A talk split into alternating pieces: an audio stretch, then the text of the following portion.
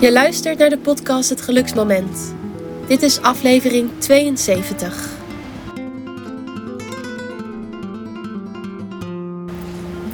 Terwijl ik deze aflevering opneem, kijk ik uit over een baai waar surfers gigantische golven trotseren. Om dit te kunnen doen zijn er allerlei trainingen die je kunt volgen en hierin staat altijd weer één ding centraal: adem. Niet spierkracht of techniek, maar adem is de focus. Surfers die grote golven surfen kunnen hun adem voor minuten inhouden. Maar is dat wel gezond? Want zuurstof is het meest fundamentele voor alle processen in ons lichaam. Deze aflevering gaat over zuurstof. De brandstof die ervoor zorgt dat we leven. Alles begint bij je ademhaling en de kans is groot dat je zonder dat je, dat je het weet in een hyperventilatieachtige toestand zit en niet alles uit je adem haalt. Lanke geeft een paar praktische oefeningen en tips om je adem te verkennen.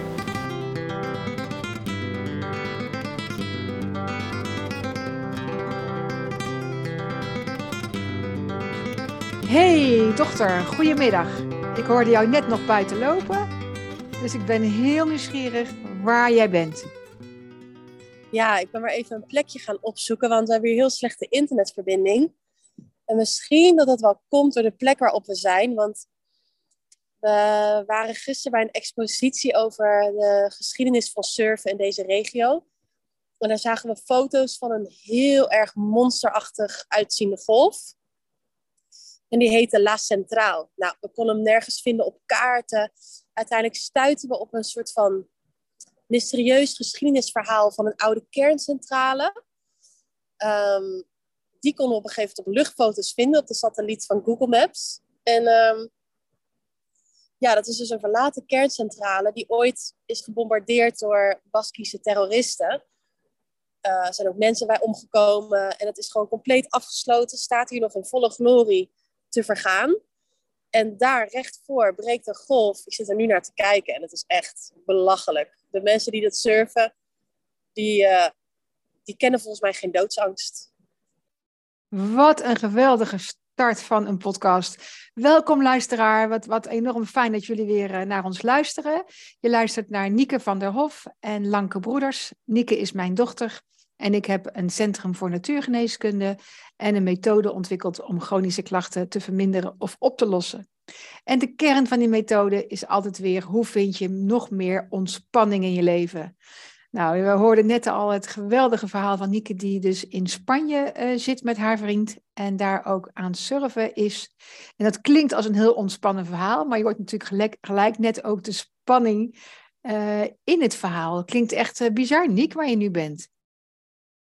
Ja, het is dus echt, het is echt doodeng eigenlijk surfen. En ik zit natuurlijk nu vanaf een rotsen naar beneden te kijken, dus de enige manier waarop ik weet dat deze golven vijf meter zijn, is doordat ik gewoon die kleine meentjes daar beneden in dat water zie dobberen. Um, en ja, ik surf zelf natuurlijk ook, maar dan misschien golven van anderhalve meter. Uh, dat is al zo eng. En weet je dat um, je kan dan ook echt trainingen volgen om grote golvensurfer te worden. Dat is weer een heel vak apart dan gewoon surfen. En weet je waar die training dan vooruit bestaat? Nou? Uh, ademhaling. Ah, kijk. Dat is erg mooi, want dan komen we precies op de vraag van de podcast van vandaag uit, toch? Ja, precies. We willen het eigenlijk gaan hebben over de belangrijke rol die ademhaling wel niet in onze gezondheid speelt. Ja, en ondertussen zit uh, Nieke dus aan de zee met niet al te veel bereik. Dus als jullie wat gekraak horen, dan weet je dat dat uh, komt door uh, ja, de omstandigheden waar Nieke nu zit. En tegelijkertijd is het natuurlijk helemaal te gek om jou live op die situatie te horen. En, en, en, en eigenlijk mee te maken wat jij nu meemaakt op afstand van die hoge golven. En ja, wat bijzonder wat je vertelt, dat ze dus ze leren dus om te gaan met een hoge golf door ademhaling. Kan je dat nog uh, verder toelichten? Ja, um, want wat het namelijk vooral is, natuurlijk is er een hele kracht waar je tegen moet kunnen en dat soort dingen. Maar het gaat vooral om dat je dus rustig kan blijven. En dat doe je met je ademhaling. Dat is één.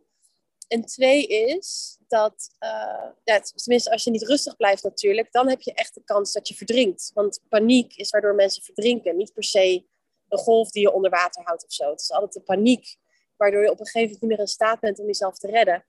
Ehm, want een golf houd je nooit zo heel lang onder water.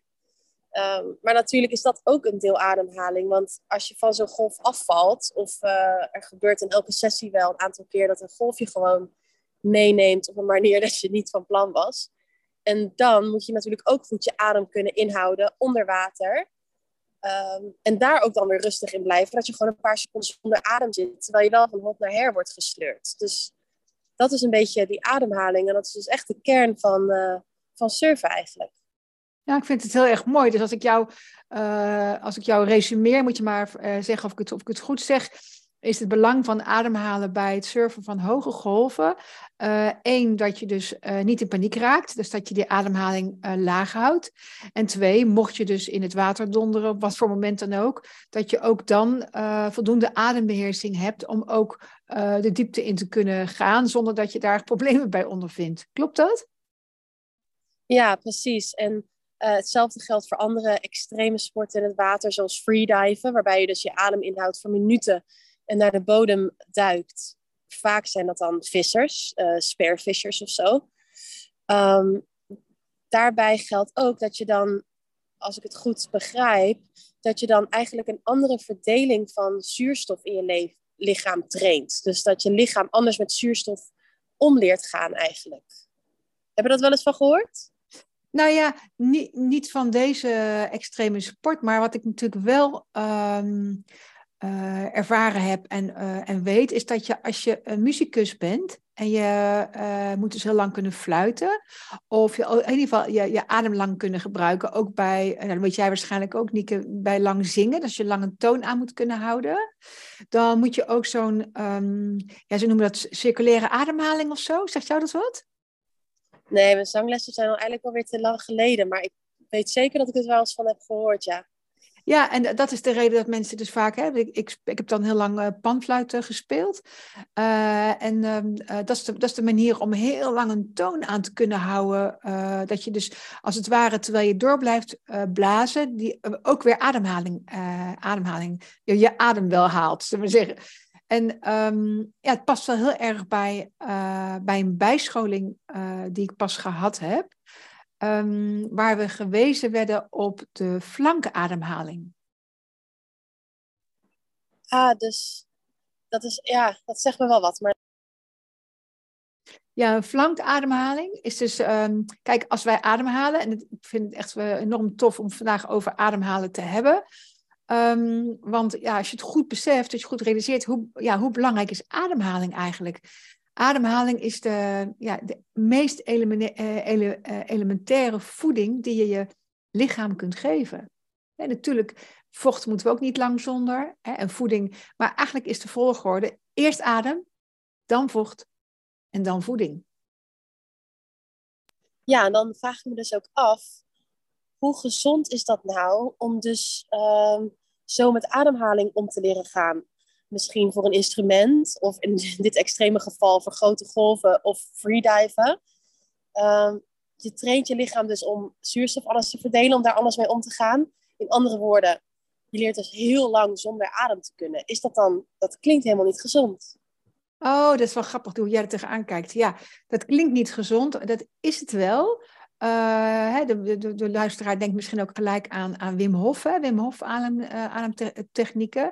Um, ons lichaam bestaat uit cellen, dat zijn de kleinste eenheid van leven. En in een cel, er zit een celkern, en in die celkern zitten mitochondriën. En er zijn ook allerlei evolutionaire theorieën dat we misschien, dat die, die mitochondriën misschien wel, ja, dat dat misschien wel de basis van het leven is, waarop, waardoor uiteindelijk ook de mens is ontstaan. Maar, maar draaien we hem even om, dan is dus in die cel, in die celkern, daar zitten mitochondriën. En daar vindt de zuurstofvoorziening, um, uh, de zuurstoftransport, zuurstofomzetting plaats. Dus die mitochondriën zijn gigantisch belangrijk, zijn echte energiecentrales van ons lichaam. Is trouwens wel lachen, Nico, want jij zit nu bij een kerncentrale. Ja, precies. Um, maar je zegt dus, het is dus niet ongezond. Of zeg je zelfs, het is wel gezond zelfs. Ja, nou wat belangrijk is, kijk, we hebben dus overal die mitochondriën. Um, en van sommige kunnen we beter gebruik maken dan van andere. En um, vrije doorstroming van zuurstof in het lichaam um, laat, zorgt er ook voor dat er bijvoorbeeld beter zuurstof naar, uh, naar je voeten kan gaan, of naar je tenen kan gaan, of naar je handen kan gaan. Het denk aan, uh, als straks weer winter wordt hier zo, dat heel veel mensen koude handen, uh, koude vingers hebben, heb ik altijd heel veel last van, of koude voeten, koude tenen hebben. Dat zegt iets over de slechte doorbloeding. Maar doorbloeding is eigenlijk wat anders, is eigenlijk hetzelfde, het is een andere, andere manier van uitdrukken van ademhaling. Dus zuurstof naar alle, alle delen van je lichaam kunnen toebrengen, is enorm gezond. Oh, daar heb ik nog echt nog nooit bij stilgestaan. Dat inderdaad doorbloeding eigenlijk over zuurstofverdeling gaat. En oké, maar dan nog eventjes gekoppeld aan het verhaal over dus trainen om je adem lang in te kunnen houden. Waarom is dat dan niet ongezond? Want je wilt toch juist meer zuurstof in je lichaam? Ja, ik ben heel nieuwsgierig uh, waar die training, uh, hoe, die, hoe die training precies in elkaar zit. Hè, dus, dat, dus daar ben ik wel nieuwsgierig naar. Maar ik denk dat het erop neerkomt um, dat, je niet voor niks, dat, je, dat je niet zozeer je lichaam um, traint om met weinig zuurstof om te gaan, maar om zo efficiënt mogelijk met je zuurstof om te gaan. dat betekent dat zuurstof nog beter gebruikt moet kunnen worden door je lichaam. Ja, hoe leg ik dat uit? Kijk, als jij gespannen bent, dan is je ademhaling hoog. Een hele leuke oefening voor, voor iedereen die luistert, vind ik bijvoorbeeld van, nou, als je naar deze podcast luistert, ga tegelijkertijd eens na, um, als jij ademhaalt, waar de ademhaling plaatsvindt. Dus beïnvloed hem niet, maar neem alleen maar waar. En daar heb je echt wel een tijdje voor nodig. Nou, gelukkig duurt onze podcast nog even. dus, dus, dus neem gewoon waar, waar vind je ademhaling plaats? Nou, heel vaak uh, zullen mensen zeggen, nou, mijn borst voel ik op en neer gaan. Uh, maar voel je ook je buik op en neer gaan. En als we dus in stress zitten, of als we in, dan, ja, het gekke is dat we dan steeds korter gaan ademhalen, eigenlijk steeds minder efficiënt. Ah, dus je kan dan wel heel veel zuurstof tot je nemen, maar het wordt dan niet optimaal gebruikt door je lichaam. Ja, dus aan de ene kant uh, lijkt je veel zuurstof tot je te nemen en uh, wordt het niet optimaal gebruikt. Aan de andere kant adem je meestal te weinig uh, kooldioxide, dus um, CO2, uit. dus O2, zuurstof in en kooldioxide moet uit. En heel veel mensen zitten zonder dat ze het weten eigenlijk in een hyperventilatieachtige toestand. Ik had van de week nog twee voorbeelden. Eén cliënt die vanwege duizeligheid naar de huisarts is gegaan en daar een doorverwijzing kreeg naar de fysiotherapeut.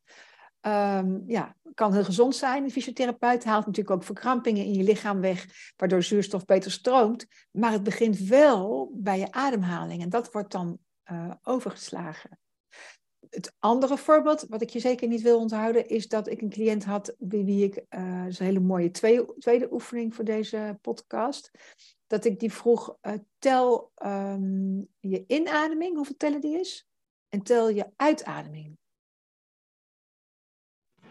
Ja, dus inderdaad, ik herken wel heel erg wat je zegt, dat we misschien zonder dat we het doorhebben, um, gewoonlijk in een soort van hyperventilatie verkeren. Want het is denk ik heel gewoon om langer in te ademen dan dat je uitademt. En om snel weer in te ademen. Ik merk dat tenminste bij mezelf, nu je het over hebt, dat ik dat volgens mij ook als automatisme uh, er toch ook wel in zit. Terwijl ik er wel vaak op probeer te letten hoor.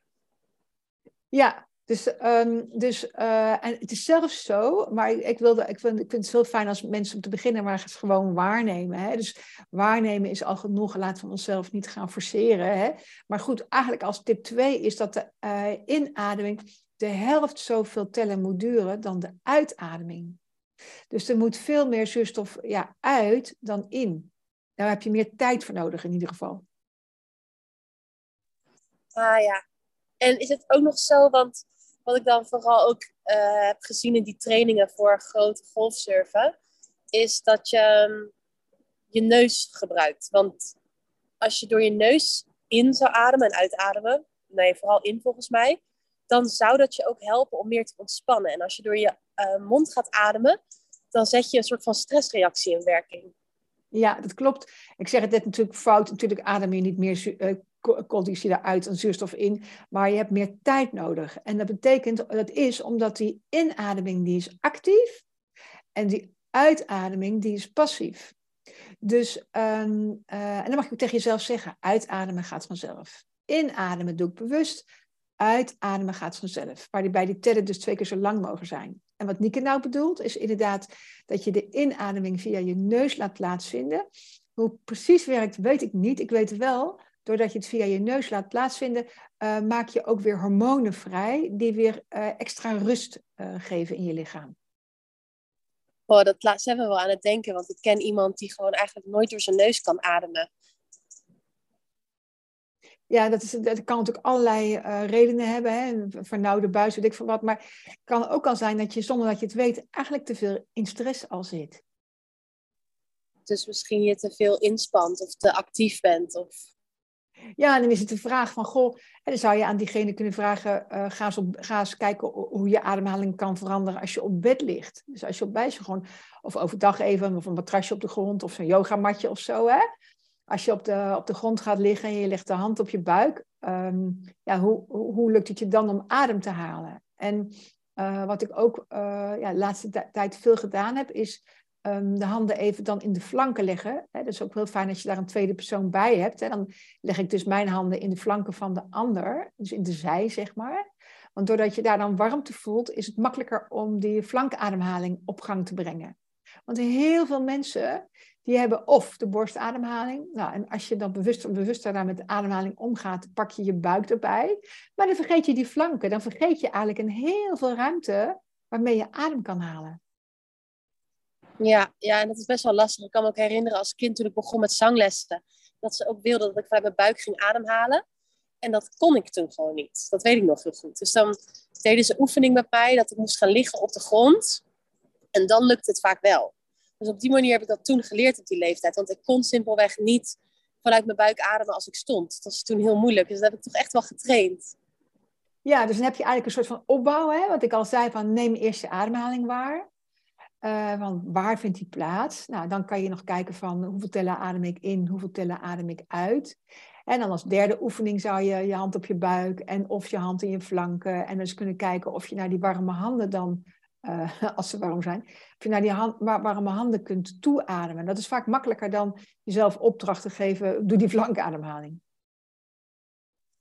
Ja, en nu hebben we het natuurlijk, eigenlijk hebben we een stapje overgeslagen, want we hebben het nog niet echt gehad over waarom ademhaling nou zo belangrijk is. Waarom het ons, ja, waarom, het, waarom we het eigenlijk erover hebben vandaag. Wat doet het nou eigenlijk dat het zo belangrijk is? Het houdt ons in leven, maar hoezo eigenlijk? Alle processen in je lichaam floreren ehm, eh, bij ademhaling. dus ademhaling is het begin om uh, allerlei processen op gang te brengen. Het is niet voor niks het meest elementaire. Hè. Wij kunnen maar uh, heel kort zonder, zonder, zonder zuurstof en zonder vocht of zonder vaste voeding kunnen we veel langer. Dus zuurstof ook voor je hersenen is een elementaire voedingsstof. Dus om in leven te blijven, alleen al, is die zuurstof belangrijk. Het gekke is dat we in stress eigenlijk het omgekeerde doen. We gaan veel korter ademhalen, hè, dus veel sneller zuurstof happen. Uh, omdat we natuurlijk ergens weten, we hebben die zuurstof nodig. Maar dan vergeten we die eh, CO2 uit te laten gaan. En zuurstof happen zorgt dus dat de stress toe gaat nemen. Dus als je al stress hebt en je gaat dan in die korte borstademhaling zitten, krijg je alleen nog maar meer stress. Dus je zit in een, uh, komt dan in een cyclus van stress te, terecht, eigenlijk zonder dat je het weet. Uh, maar dat klinkt toch echt super onlogisch eigenlijk, want alles in de natuur is zo efficiënt gemaakt. Ja, maar het is natuurlijk ook hartstikke efficiënt. We hebben zuurstof nodig, we gaan zuurstof happen. En uh, wat efficiënt is, wil nog niet zeggen dat het op de lange termijn gezond is. Dus op de korte termijn krijg je heel, heel veel zuurstof binnen, maar op de langere ter termijn um, ja, krijg je, adem, je te weinig uh, CO2 uit en krijgen de, de, de, de, de verder weggelegen cellen van je lichaam te weinig zuurstof. En Kijk, vroeger had je gewoon een korte periode van stress en een hele lange periode van onstressen. En dan kwam dat vanzelf wel weer goed. En ehm, ja, eigenlijk is zuurstof dus een soort van letterlijk de brandstof van alle organische motoren die zich in ons plaatsvinden. Dus alle organen, alles wat beweegt in ons lichaam, alles wat constant werkt, daar is zuurstof van de brandstof van. Dus zie het maar als een soort van auto die geen reservetank benzine heeft, maar waarbij je constant benzine moet voeren om ook maar een meter verder te kunnen rijden. Ja, en ik wou het over hele ingewikkelde dingen hebben als, uh, als mitochondriën en cytoonzuurcyclus en ATP, maar dat is echt voor de, voor de, voor de meest gevorderde, gevorderde onder ons die iets van de biologie uh, afweten. Maar inderdaad, de vertaling zoals jij dat doet naar die motor en die auto, dat klinkt helemaal logisch. nou, grappig. Leuk om zo ook eventjes te beginnen met dat surfen. Want ik kijk nu uit over, die, over dat groepje surfers en die gigantische golven. En dan gaat het wel ook echt leven vormen of zo. Want ja, dat zijn ook gewoon allemaal kleine mensjes met allerlei motoren. En, uh, en natuurlijk ook gewoon een overlevingsmechanisme wat zorgt dat je bang wordt en ook in stress raakt. Ja, en adem is gewoon hetgene wat hen daar houdt en laat functioneren. En hen door die golven heen loodst. Ja, vergis je niet, ze kunnen heel goed in een soort van uh, stresscyclus terechtkomen, waardoor ze enorm aan het boosten zijn. En uh, waardoor surfen, wat misschien heel ontspannen lijkt, heel erg stressvol is. Dus, dus zie je natuurlijk ook met het winterzwemmen tegenwoordig. Dus al dat, dat zwemmen wat enorm ja, gezond lijkt, omdat je het water in gaat, omdat je gaat bewegen. Maar er zitten hele ongezonde aspecten aan. Ik moet eigenlijk al een beetje lachen. Nee, surfen is absoluut geen ontspanning. Als in, um, nee, nee, nee. Iedereen zal het herkennen. Na een surfsessie uh, heb je eigenlijk gewoon zin om de rest van de dag gewoon met biertjes en chips lekker op het strand te zitten en gewoon alleen maar na te genieten. Dus je neemt automatisch na surfen al een ontspannend moment, want je bent even kapot. Je hebt, het, is, het is gewoon inspanning en proactie, puur zang.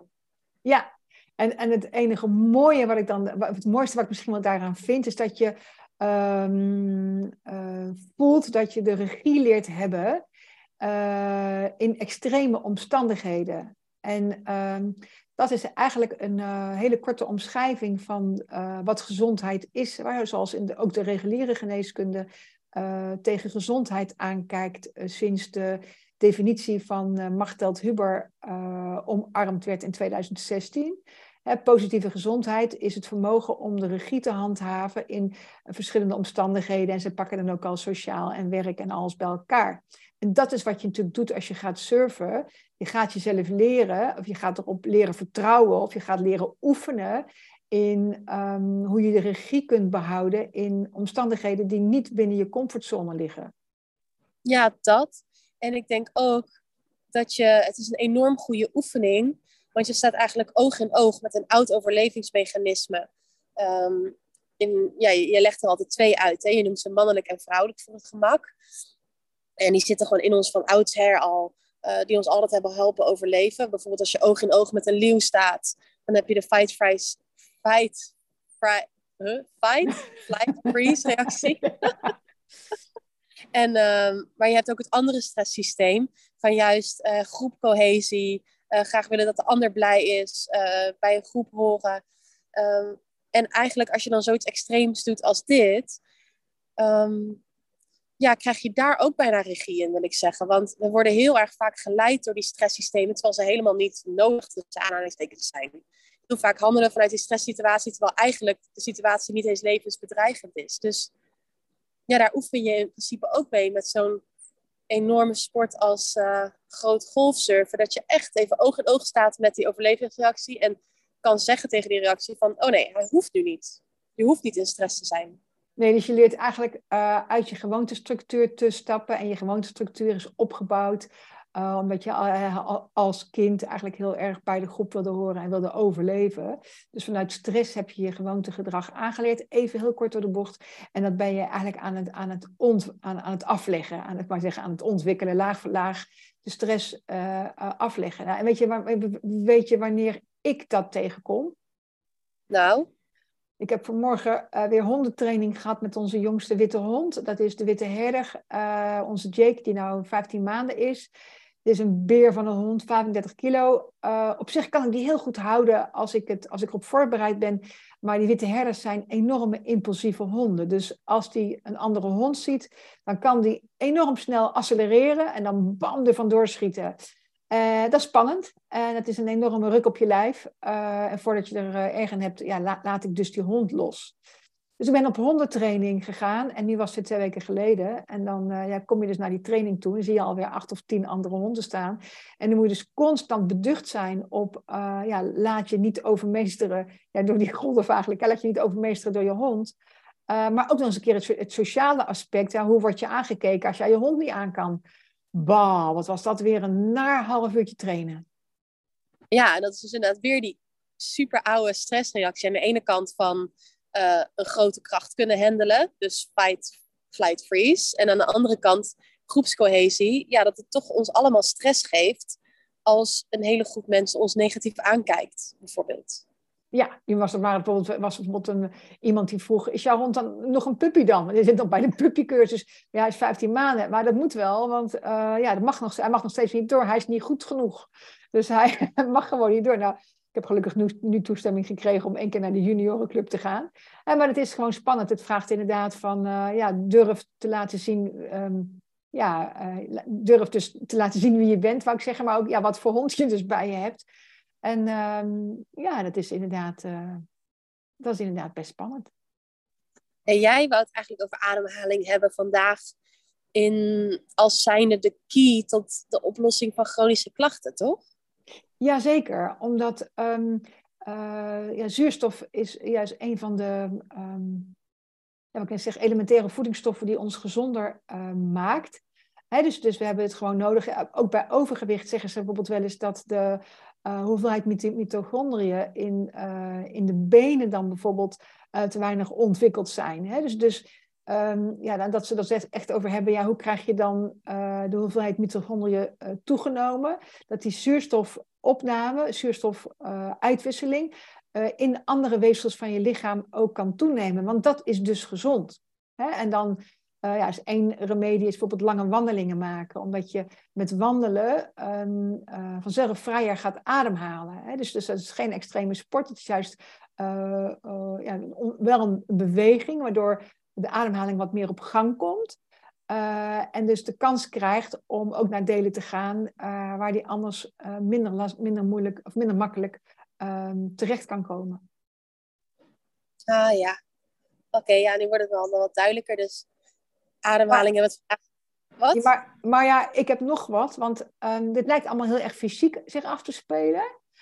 Uh, maar ja, ik, zou ik niet zijn, of wij zouden wij niet zijn, als we niet de relatie ook leggen tussen fysiek, mentaal, emotioneel en spiritueel.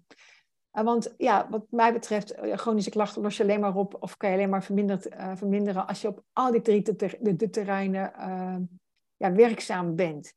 En het werkt met ademhaling ook zo. Dus um, even kijken hoor. Als, je, als ik een cliënt heb die bijvoorbeeld um, het gevoel heeft dat hij te weinig ruimte heeft, dus echt het gevoel van, ik zit vast, ik heb te weinig ruimte. Of ik moet te veel. Hè? Dus, uh, of ik wil, uh, ik wil me vrijer voelen. Of ik wil me meer ontspannen voelen. Of ik wat. dus ik wil echt meer ruimte hebben, zeg maar, als het ware. Dan is dus die flankademhaling aanleren. Dan valt opeens het kwartje van, ja, je hebt dus letterlijk meer ruimte om adem te halen. Maar dan voel je dus ook letterlijk, dan ga je dus ook letterlijk meer ruimte in je leven voelen. Vind je die niet leuk? Ja, dat is natuurlijk ook zo, omdat dus ademhaling, een goede, diepe ademhaling, wel niet door je neus dan, je ook uh, van stress afhelpt, uit een stresssituatie helpt. En als je natuurlijk in de kramp zit met dat moeten, is dat natuurlijk ook nog eens een keer heel bevorderlijk. Door goed te gaan ademhalen, uh, kom je in ieder geval uit de stress. Dus kan het ook zijn dat je ook uit dat moeten kan stappen, wat natuurlijk ook echt een soort van stresskramp is. Ja, het zijn, wel, dus wel, dus wel verschillende ingangen. Want ik snap wat je bedoelt. Stresskramp is korter ademhalen en langer ademen is al minder stresskramp. Maar als jij langer ademhaalt en je realiseert je dat er een onontdekte ruimte in jezelf is waar je ook nog adem kan halen, ja, dan krijg je echt win-win en plus-plus. Nou, leuk. We hebben het volgens mij al wel vaker over ademhaling gehad, maar dit was toch ook weer nieuwe informatie voor mij. Sowieso even leuk om te beseffen dat zuurstof gewoon onze brandstof is. Want dan krijg je echt de kern te pakken van hoe belangrijk het wel niet is. Zal ik nog even de spirituele relatie leggen met zuurstof? En daar hoef je dus helemaal niet te geloven, maar ik vind wel hele interessante dingen om, uh, om over na te denken. Uh, het zuurstof, ze zeggen ook wel eens dat ze drager van licht. Of uh, de drager van energie, bijvoorbeeld. Dus dat is, dat is meer de spirituele ingang. En um, ehm, Dr. Pop is een van de, van de voedingskundigen die, uh, die tig jaren geleden al um, uh, op die manier ook naar voeding heeft gekeken. Dus die keek naar voeding en keek naar voeding en wilde heeft allerlei verschillende uh, fotografie ehm, manieren op touw gezet om vast te kunnen leggen of een voedingsstof of een voedingsmiddel, hè, denk aan een wortel of zo, of je daar de uh, energiemeting uh, van kon zien. Je kon zien hoeveel energie erin zat. Nou, dan hoef je natuurlijk wel of niet te geloven, want hetzelfde als bestaan aura's ja of nee. Hè, maar als jij naar de supermarkt gaat en je, en je koopt een wortel, dan koop je niet degene die er krom en uh, oud, oud, oud bij ligt. Dan neem je degene die er zo vers mogelijk uitziet. En dokter Pop die noemde dat een wortel met levensenergie, een wortel met meer zuurstof, meer licht. Wat vind je daarvan? Ja, daar hebben we het wel eens over gehad, over inderdaad voedingsmiddelen met meer lucht. En dan lucht tussen aanhalingstekens, dus meer zuurstof, meer energie. En dan hadden we het bijvoorbeeld ook over komkommers. Dus voedingsmiddelen waar meer water in zat. Ja, precies. Dat klopt. Dus die komen dan weer bij elkaar. En dat is fruit bijvoorbeeld een hele belangrijke voedingsmiddel, maar komkommer ook. Terwijl we altijd gezegd wordt, ja, daar zit niks in. Ja, uh, volgens de maatstaven van vitamine en mineralen misschien. Maar er zijn natuurlijk nog andere maatstaven te verzinnen. Uh, en misschien ja, is dat nog een veld van onderzoek wat de komende jaren nog uh, ontdekt mag worden. Nou ja, leuk. Nou, ik heb weer echt een nieuwe motivatie om weer een paar keer per dag in te checken met waar mijn ademhaling zit. Ja, en uh, we hebben dus gelijk de relatie met voeding gelegd, die je wel of niet hoeft te geloven, maar, uh, maar misschien wel uh, ja, leuk om uit te gaan voeren. Van, maar wij vinden dat wel leuk om toch nog ook een soort van ideeën mee te geven of tips mee te geven die over voeding gaan. Dus nou ja, dat je ook voedingsmiddelen om je heen kunt zoeken van ja, wat, wat zou nou veel zuurstof of veel vocht of veel energie bevatten. Ja, gaaf. Hey, er komt hier trouwens nu een kudde schapen aan met allemaal belletjes. Dus ik denk dat het onze cue to leave is. Heel erg mooi. Ja, die gaan daar klingelen. Nou, dan klingelen ze inderdaad het, eh, het, einde in van onze podcast van vandaag. Luisteraar, enorm veel dank voor, voor het luisteren. Jullie hebben Nieke iets minder horen praten vandaag. Dat deden we expres omdat we afvroegen of er veel achtergrondgeluid zou eh, zijn. Dus uh, Nieke, volgende, volgende week weer een locatie waarin we je vrij uit en nog veel meer kunnen horen spreken. Maar ik ben in ieder geval blij dat ik vandaag je stem weer heb gehoord. Doei man, tot volgende week. Dikke knuffels gaat, tot volgende week. Dag dag.